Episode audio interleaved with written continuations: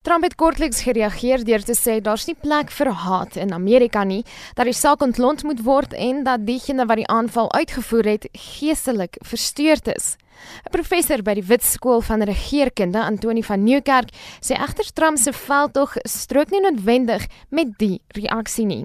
Hy bestuur 'n projek wat daarop gerig is om van swart besluitnemers in die politiek van Amerika ontslae te raak. Hy bou mure Hy probeer van immigrante ontslaa raak. Hy dryf die spot met minderheidsgroepe. Hy praat nie baie in in vleiende taal oor swart Amerikaners nie. Van Nieuwkerk sê die aanvaller se aanval is geïnspireer deur 'n voorval in Nieu-Seeland vroeër vanjaar waar 'n wit man 'n moskee aangeval het. Brenton Tarrant het 51 aanbidders in die moskee doodgeskiet en die beeldmateriaal op sosiale media gedeel. Hy is hy geskryf daaroor en toe gaan skiet hy 'n klomp mense dood.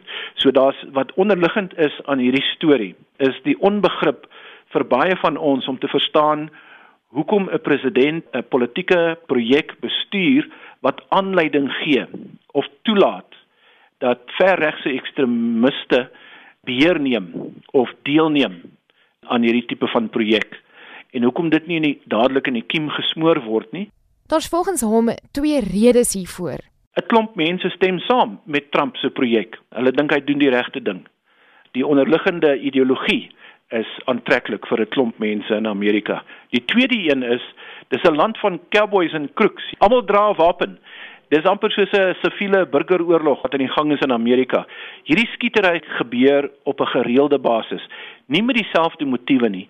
Die motief wat ons nou gesien het in El Paso was, ek dink, rasgedrewe, haatgedrewe. Hierdie is die 250ste massa skietvoorval in die land vir 2019. Die wapenwetgewing in die land is nou weer in die soeklig en van Nieuwkerk waarsku dat dit nie oornag gaan verander nie, juis omdat wapens deel is van talle Amerikaners se kultuur. Beteken ek kan my man staan, dit beteken ek kan my plek hou, ek kan ander intimideer en hulle huiwer nie om hulle wapens te gebruik nie. Hulle verdoesel dit deur te sê dis vir selfverdediging kernwapens gaan nie weggaan nie want dit het groot waarde vir mense wat dink geweld is die oplossing vir 'n probleem. En hierdie handwapens en outomatiese wapens in Amerika gaan nie opgeskort of weggaan of verminder word nie want daar's te veel mense wat dink hierdie goed is belangrik. Ek verdien dit ek wil dit hê ek wil dit gebruik.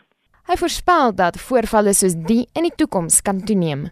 As Trump vir die volgende 5 jaar termyn aan bewind gaan bly, gaan hierdie tipe van Trump projek wat negatief teenoor minderhede of swart Amerikaners of buitelanders of immigrante is of anders gelowiges gaan hierdie tipe van skietvoorvalle toeneem en ek dink dit is destabiliserend vir die internasionale gemeenskap.